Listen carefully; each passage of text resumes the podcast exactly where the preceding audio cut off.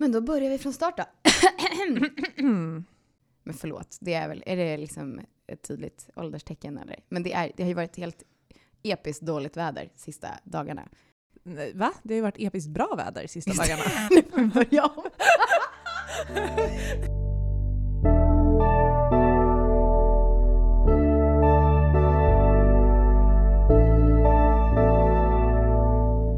Hej Johanna, Hallå? Hur är läget? Det är bra. Hur är det med dig? Jo men det är bra tack. Det är Mm. bra. Vad har du haft för dig sen sist? Jo, men jag har faktiskt varit ledig här i torsdags och fredags. Eh, Jag har varit iväg och målat. Supermysigt och jätteinspirerande. Brukar åka till ett ställe som ligger på Rådmansö utanför Norrtälje som heter Skaparladen. Och det är hur härligt som helst. Och eh, man har sin egen ateljéplats, det är sju meter i tak, det är ute på landet, det är så mysigt. Lilla hunden Inga springer runt så man kan ta en liten klapppaus om man vill. Och eh, ja, jag är så inspirerad av John och Peppe som har det stället. För jag tror det var en 15 år sedan så ja, men, jobbade både här i Stockholm och Uppsala. Tog sitt pick och pack och bara fuck it.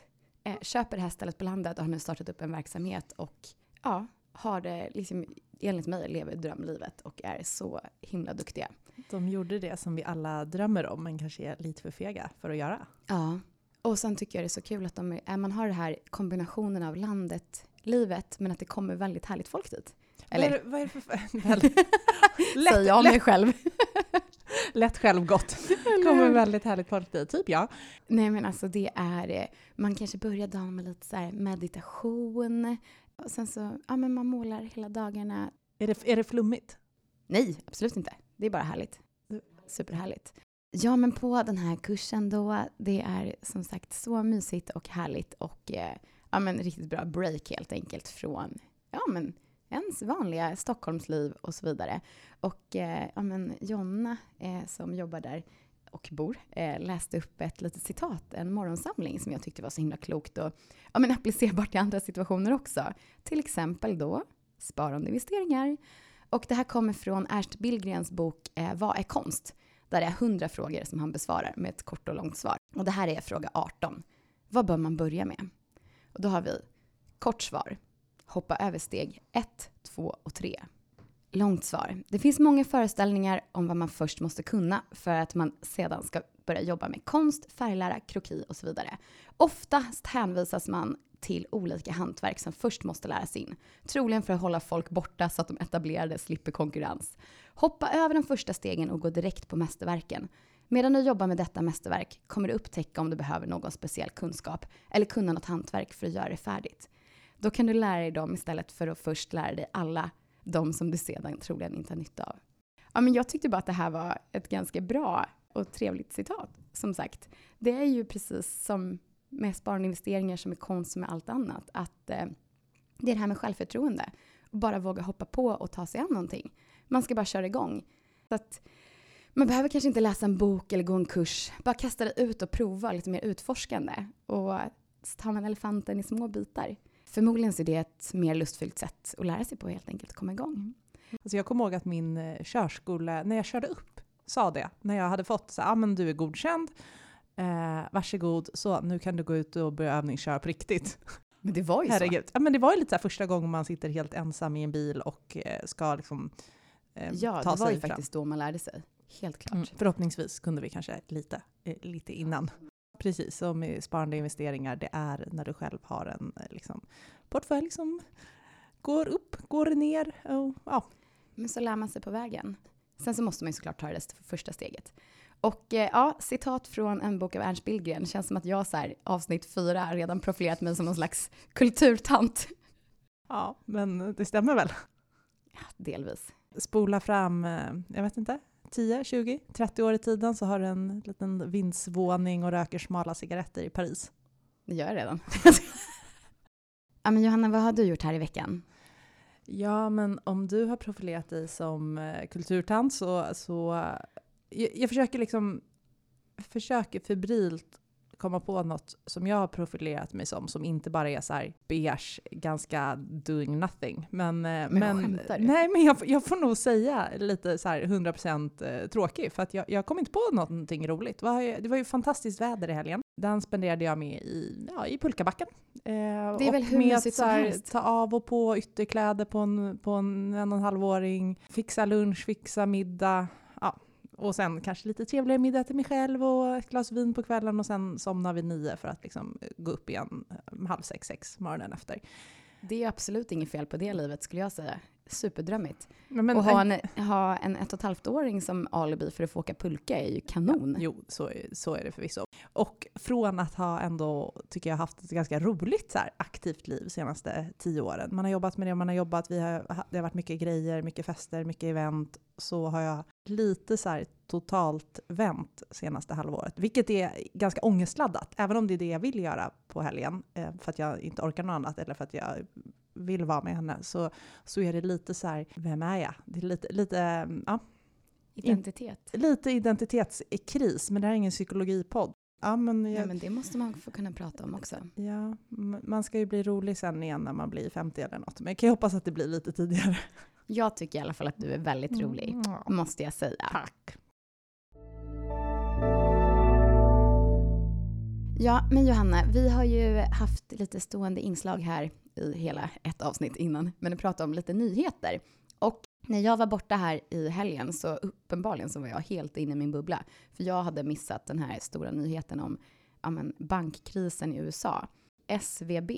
Så du som har stenkoll på det här, kan inte du, kan inte du dra det från början? Mm, okay. Det låter förvisso mycket roligare och kulturtanta på Rådmansö än att, än att eh, att följa nyheterna, ekonominyheterna från USA. Nej, nej det, var, det var faktiskt ganska... Kombon är bäst. Det, det, var ganska spännande. Det var lite som att se en, en match. Liksom. Vad, vad händer nu? Vad ska Fed kontra med?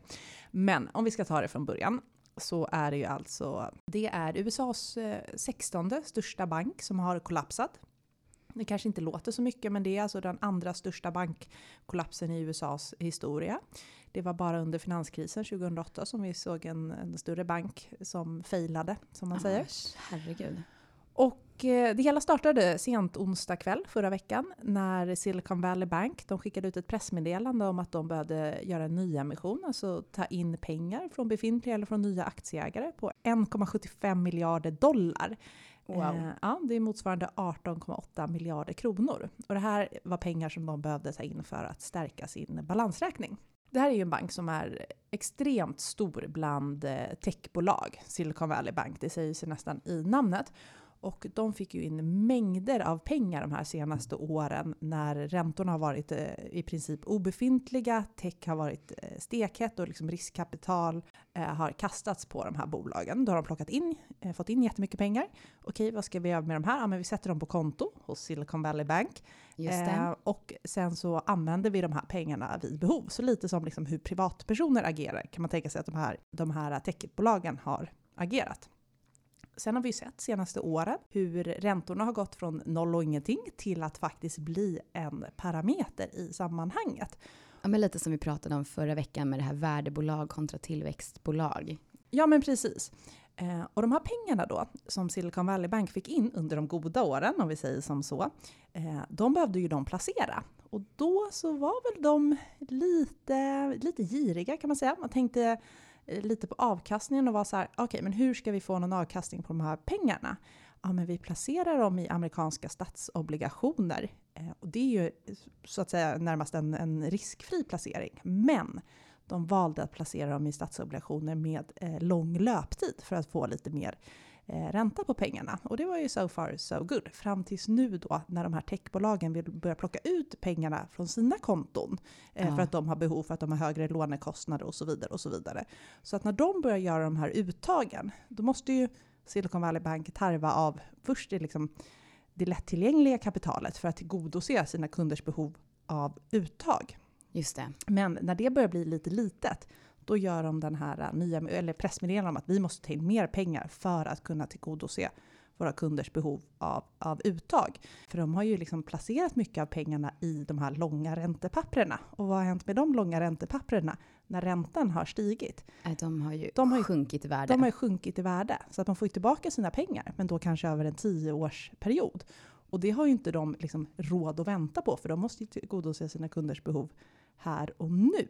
Så när de då gör det här pressmeddelandet om att eh, de behöver ta in nya pengar, då blir ju alla oroliga. Alltså kunderna oroliga och eh, stora finansprofiler i USA, de går ut och, och, och säger till sina liksom, bolag som de är delägare i och så att ha inte pengar på Silicon Valley Bank, plocka ut dem. Det är typ som att Marcus Wallenberg eller Jacob Wallenberg skulle gå ut och säga till sina liksom innehav att ha inte pengar i den och den banken. Så att på torsdagen då, då, då, liksom, då försöker ju alla få ut sina pengar från Silicon Valley Bank, vilket innebär att de måste sälja de här räntepapperna som har med förlust. ras, med förlust. Ja. Eller liksom, som, de har ju rasat i värde i och med att räntan har stigit. Så det blir en så här dubbel, trippel, mega bajs, Jättedålig spiral. spiral, kombo, som slutar med att eh, myndigheten i USA eh, stänger banken. För att det här, det här är liksom inte hållbart. Så efter att den har rasat över 60 procent på börsen, kunderna försöker ta ut sina pengar, då stängs eh, banken ner. För att man ser att det här, det här kommer inte gå, att det kommer inte gå att möta behoven. Och det är helt enkelt för att en bank fixar inte att alla kunder eh, springer och vill ta ut sina pengar samtidigt. Banken har lånat in pengar av kunderna som man sedan har lånat ut eh, på lång tid. Och det man har lånat ut det kan man ju inte kräva in över en natt. Så när då kunderna på andra sidan vill ha tillbaka sin inlåning, då blir det, då blir det problem. Och det är därför man pratar om att förtroendet är superviktigt för en bank. Du måste ha förtroende för att när ever jag vill så får jag ut mina pengar. Har inte du det och inte andra heller, då, då springer man och vill ha ut sina pengar först. Man vill hamna först i den här kön på, helt enkelt. Och då har vi skapat en, en bankrun som blir ohållbar. Och det vill man ju absolut inte att det ska sprida sig till fler banker och så vidare. Så att därför stängde ju eh, myndigheten i USA banken och här sent söndag kväll kom man också med ett, om vi ska kalla det räddningspaket. Man sa att ja, den här banken kommer gå under, men vi kommer säkra att alla kunder kommer få ut sina pengar, även de innehaven som är över den här statliga insättningsgarantin. Men aktieägarna till banken och eh, obligationsinnehavarna, de kommer förlora. Så att det, det är ett eh, räddningspaket där helt enkelt eh, myndigheterna går in och räddar delvis en bank från att totalt fejla. Och det gör man ju dels för att det skulle vara då de här bolagen som har sina insättningar i den här banken som skulle drabbas, men också för att man vill ha ett förtroende för systemet i sig, systemet som, som helhet. Och vi har ju redan sett också att det är två andra amerikanska banker, Signature Bank som är någon slags eh, kryptobank, de har också kollapsat och eh, så är det en annan bank som verkar vara på god väg att eh, kollapsa, First Republic Bank.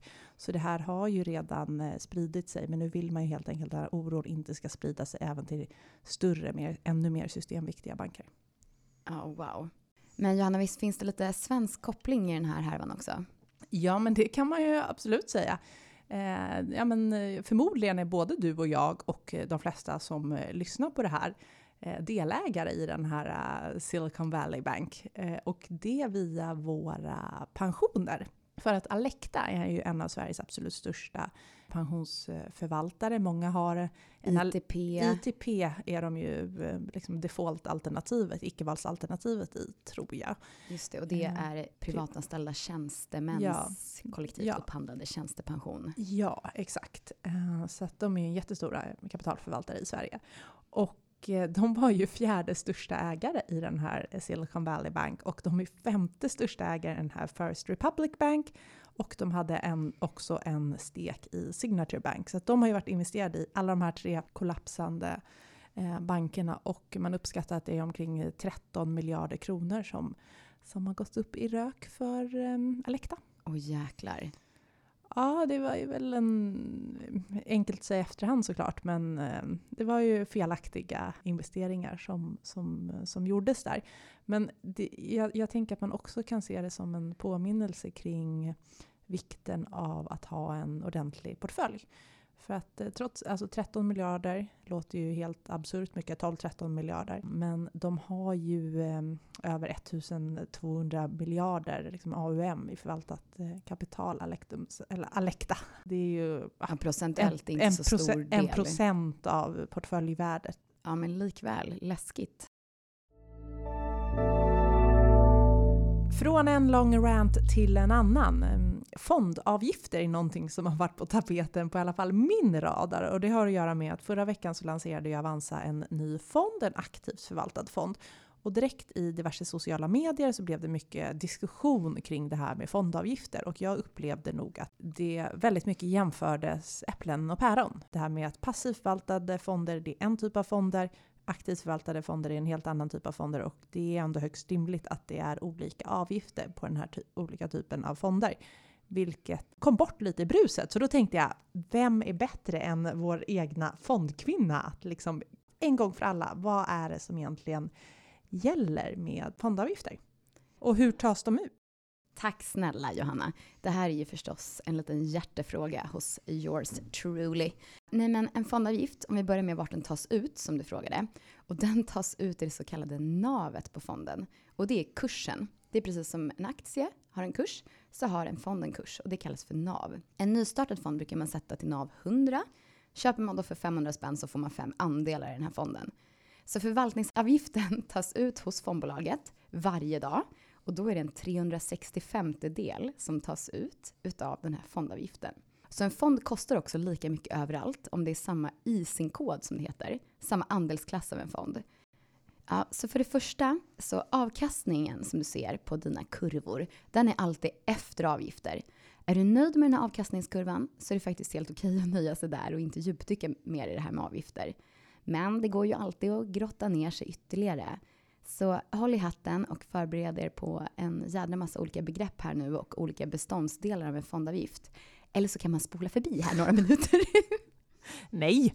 Ja, nej men jag nämnde ju det här med förvaltningsavgift och det är som sagt den, eh, det som fonden kostar och det som de facto dras hos fondbolaget. Och det vanligaste är ju då att man har en fast förvaltningsavgift. Och det kan ju vara till exempel 1,5% för en aktivt förvaltad fond eller 0,20 för en indexfond. Men det finns också vissa som tar ut en rörlig förvaltningsavgift och den ska vi återkomma till. Men om vi lägger på ett lager från den här förvaltningsavgiften så finns det någonting som vissa kanske känner igen som kallas för årlig avgift. Och det är den här fasta förvaltningsavgiften plus lite kostnader för administration och annat som också tas ut ur fonden. Den är alltså snäppet högre än den fasta förvaltningsavgiften. Men för att göra saken lite rörigare så finns det en annan benämning som motsvarar den här årliga avgiften och det är löpande avgift. Och den kan man till exempel se hos Avanza och andra aktörer. Och anledningen till att den här nya benämningen finns, det är att årlig avgift, det var ett svenskt hittepå. Men 2018 så trädde ett nytt regelverk i kraft på Europanivå som reglerade, reglerade bland annat transparens och kundskydd på finansmarknaden. Och då lanserades bland annat löpande avgift. Och det som är kanon med de här nya reglerna är att vi har sjukt mycket mer djupgående info om vad de här finansiella produkterna som vi investerar i faktiskt kostar. På riktigt. Så det är sjukt egentligen att ja, men det här inte har funnits på plats tidigare. Med samma nya regelverk här så fick vi då löpande avgift, alltså förvaltningsavgift, plus till exempel administrativa kostnader. Men vi har också två beståndsdelar till eh, som till slut leder fram till det som vi kallar för den totala avgiften. Och då är det för det första transaktionskostnader. Och det är courtaget i fonder. Om fonden då köper aktier eller räntebärande papper så betalar man ju ofta en summa för det. Så det är alltså vad det kostar att köpa instrumenten som fonden investerar i. Och den här är lite lurig för fondbolagen behöver ibland rapportera utifrån vissa schablonkostnader som har bestämts. Eh, så den kanske inte alltid stämmer hundraprocentigt, men det är, tanken är att den ska ge en, en fingervisning kring vad de här transaktionskostnaderna uppgår till. Utöver de här löpande avgifterna och transaktionskostnaderna så har vi slutligen eventuella övriga avgifter. Och övriga är det som jag nämnde innan. Om en fond tar ut en rörlig avgift så syns den här. Och det är ja, men ofta hedgefonder kan ha den här typen av avgift. Och ett inte helt ovanligt upplägg på en rörlig avgift det är faktiskt att man tar ut hela 20% av överavkastningen mot index.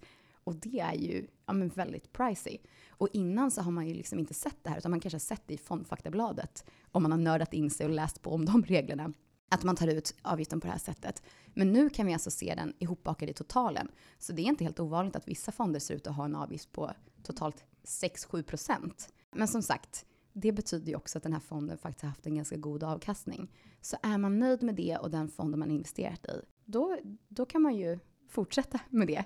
Men, men man kan ju säga att det kanske är en fond som man, eh, det är inte en välj och glöm-fond, utan man måste ha lite koll på att den, att den levererar år efter år. Eller så länge, för sig, så länge det blir de här jättehöga talen, då gör han ju förmodligen det i och med att den slår eh, index. Den slår sitt index. Mm. Exakt. Så vi har alltså de här tre godingarna. Löpande avgift som är fast förvaltningsavgift plus lite adminkostnader. Vi har transaktionskostnader som då är courtage i fonden och till sist eventuella övriga avgifter. Och det här har flera bolag valt att benämna som totalavgift. Äntligen har vi en sån. Och det var faktiskt Avanza som började med det. Så ja, jag var inblandad på ett hörn. Men det, det ska sägas, jag ska inte ta all cred för det där, för det fanns en liknande siffra förr i tiden som hette TKA. Och nu är vi deep in the rabbit hole. Totalkostnadsandel. Men den fanns, vad jag vet, bara i Sverige, så den lades ner. Och nu har vi alltså en gemensam standard i hela Europa som gör det mer jämförbart och man har bättre insyn än någonsin om en fonds kostnads och avgiftsstruktur för den som är taggad på det. Men själva poängen med det här, jo men eftersom en hög avgift urholkar avkastningen på en fond så är det ju såklart toppen att vi faktiskt nu får veta vad vi betalar för. Om man inte trodde att vi hade nördat ner på en tillräckligt djup nivå nu då, så alla de här tre beståndsdelarna, löpande avgift, transaktionskostnader och eventuella övriga avgifter. Det finns två varianter av de här som alla distributörer då får fidat till sig av fondbolagen. Och de här kallas för ex ante och ex post. Och de här latinska begreppen är inget som man behöver hänga upp sig vid. Men det man ser innan man köper en fond, det heter ex ante. Och det är förväntade avgifter som ett fondbolag då tror kommer tas ut ur fonden. Ex post å andra sidan, det visas istället i efterhand ja, men typ årsbesked över dina avgifter och så vidare. Och där kan man se då vad som faktiskt togs ut och då får man det kopplat till sin egen investering. Så då kan man alltså se kronor och eh, ibland ören, eh, vad det kostade dig att äga den här fonden ja, men under förra året eller om du har ägt den bara några månader förra året och så vidare. Och det man ska tänka på när det kommer till fonder med rörlig avgift, totalen för den här kan ju se väldigt hög ut som jag nämnde, om det har gått bra. Men också vice versa. Har fonden inte presterat över sitt index, då har man ju inte tagit ut den här rörliga avgiften. Och då ser det ju billigare ut. Och då kan ju totalen vara ganska nära den här löpande avgiften eller ganska nära den fasta avgiften. Men man ska komma ihåg att i det här fallet så betyder det ju faktiskt att den här fonden inte har presterat efter sitt eget mål. Eller vad den trodde att den skulle nå. Ja, förlåt för lång harang om den här totala avgiften, men det är faktiskt inte lätt och det finns många beståndsdelar. Och förlåt igen, men nu kommer en till grej som man ska tänka på.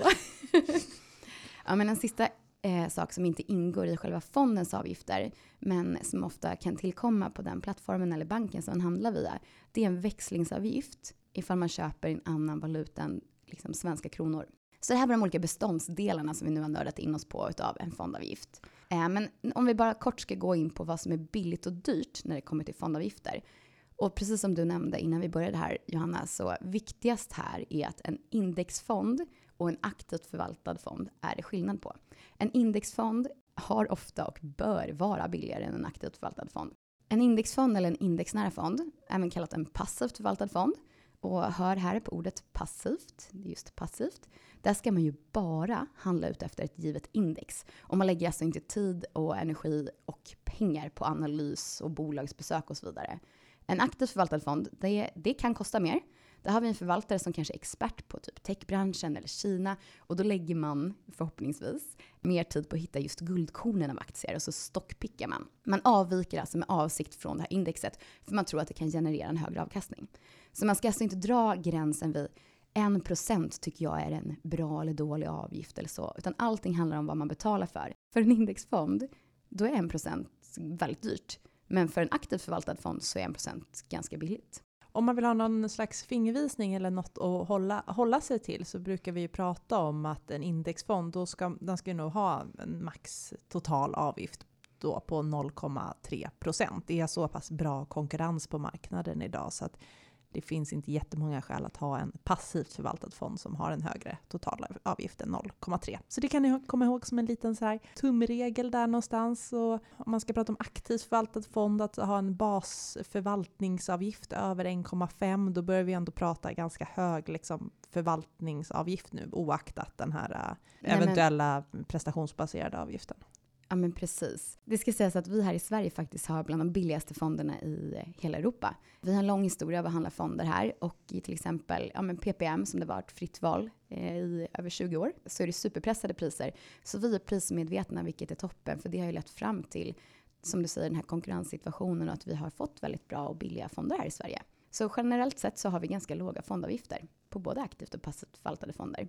Men kom ihåg nu, alltså titta på vad du betalar för. Är det en indexfond så ska det vara billigt. Som Johanna sa så kan det vara en fingervisning att ha under 0,3 procent. Och är det en aktivt förvaltad fond så kostar förvaltningen mer och då kan de absolut ligga över 1 procent.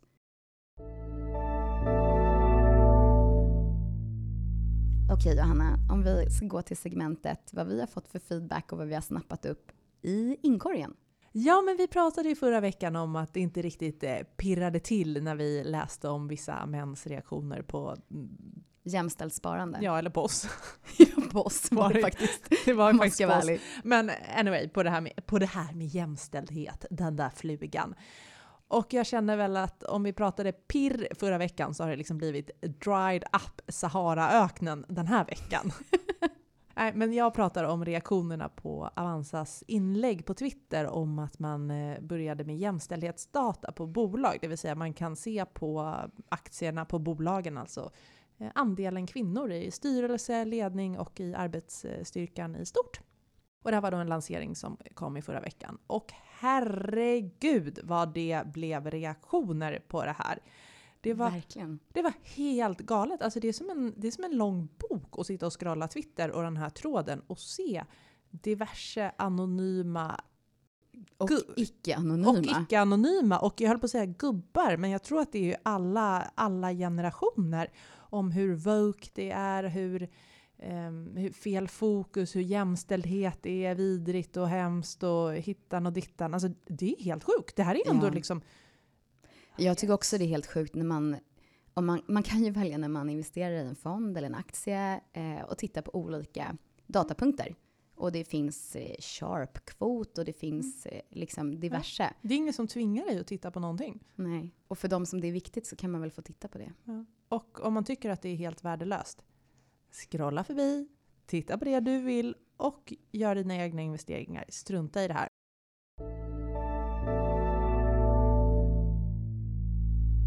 Ja, men eh, en annan liten spaning här och lite om man tittar på nyhetsflödet. Så utöver att Loreen kommer rappa oss i Eurovision Song Contest som vi känner till nu och att Ruben Östlund tyvärr inte vann en Oscar.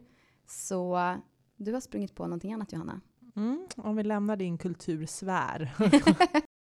jo, men jag sprang på en siffra om att det är väldigt många fler som begär jämkning av skatten. Det ökade med 72 procent i februari jämfört med i fjol. Oj. Och, ja, så nästan en dubbling. Och det innebär alltså att man betalar eh, lägre skatt. Det kan vara antingen för att det är de här skattetabellerna som din arbetsgivare går eh, efter som inte är relevant för dig av någon anledning. Det kan vara att du är så ung och tjänar så lite att du egentligen inte ska betala någon skatt på helåret och så vidare. Men i det här fallet har det att göra med att alla vi som har bolån, eh, vi betalar ju räntan varje månad.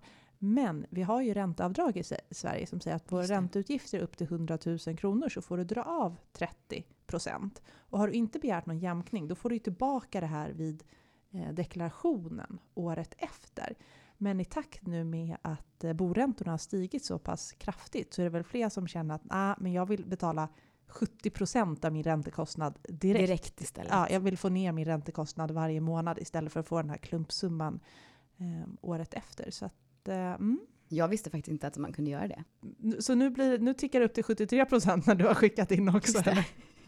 Och bra att veta i det här sammanhanget är ju att eh, på ränteutgifter upp till 100 000 kronor per person får man dra av 30 procent och 21 procent på belopp över 100 000 eh, kronor. Och här om man har ett bolån tillsammans med någon så kan det ju finnas anledning här att eh, fördela ränteutgifterna mellan sig. Det vanligaste är att man har 50-50, det vill säga att eh, jag får jag får tillbaka 50 procent av det här avdraget eh, och, och den jag delar bolånet med eh, får tillbaka 50 procent. Men ibland finns det ju anledning att fördela på det här på något annat sätt. Det kan ju vara som så att en, en part inte har tillräcklig inkomst för att göra det här avdraget. Du måste ju ha betalat in tillräckligt mycket skatt så att det finns något att dra av mot. Just det. Och det kan man ju göra själv i deklarationen. Men själva spaningen var väl egentligen att det är väldigt många fler, snart Linnea också då, som begär jämkning Ja. av skatten. Ja, men det är jättebra. Bra att veta. Ja, men det var en liten spaning från veckan. Vad har vi för spaningar på det mer personliga planet? Vad har vi för spara och slösa? Ja, men eh, man kan väl säga då spara. Jag har ju varit iväg och målat mina egna tavlor här sista dagarna, men det skulle väl också kunna falla under begreppet slösa. Det lades ju ett gäng laxar på att åka iväg här och göra det och allt material och så vidare. Men det är så härligt, så jag känner ändå att jag har investerat i mig själv. Du har investerat i dig själv och ja. tänk sen när du är när du är nya Billgren som du citerade här i början och dina målningar sä- säljs för ett par miljoner. Ja, I wish. Är verkligen, ja, jag med i och med att jag har två av dem Just hemma. Ja. ja, men du då? Veckans spara och slösa för dig? Mm, jag köpte en hjälm till min dotter som var ungefär tre gånger så dyr som de andra hjälmarna i affären. Så det var väl 100% slösa måste jag ändå säga. Ett och ett för en barnhjälm. Men å andra sidan då skydda hennes Ja, huvud. ja. Den Kanske hade, den, hade någon priceless. slags, den hade någon slags eh, grej, någon slags eh, båge typ. Så att inte trilla och slå ut tänderna. Så att det kanske blir spara ändå. Ja. Okej Johanna, men vad tar vi med oss från idag då? Ja, men att det är eh, trubbel bland de amerikanska lite mindre bankerna. Men det, enligt alla experter på området så står Europas banker starka. De är välkapitaliserade, har inte de här problemen och det behöver absolut inte bli liksom, en ny finanskris. Gud, skönt att höra. Sen tar vi också med oss den långa och väldigt djupgående analysen av fondavgifter som jag hoppas att ni orkar hänga med på. Men det man ska ändå ta med sig på riktigt härifrån är att man inte ska, som du sa, jämföra äpplen och päron. Indexfonder ska vara billigare och aktivt förvaltade fonder. De kan ha ett högre pris för det kostar mer att förvalta. Och är man nöjd med sin avkastning så kan man faktiskt bara stanna där och vara nöjd så. Ja. Ja, men det var väl allt för idag Johanna. Men vi kan väl också påminna om att vi heter Alfahonor på Instagram. Eh, släng gärna iväg en fråga eller ett förslag på vad vi ska prata om där, så tittar vi på det och försöker ta upp det framåt. Det gör vi. Så tack för att ni lyssnade. Ha det bra! Ha det bra, hej!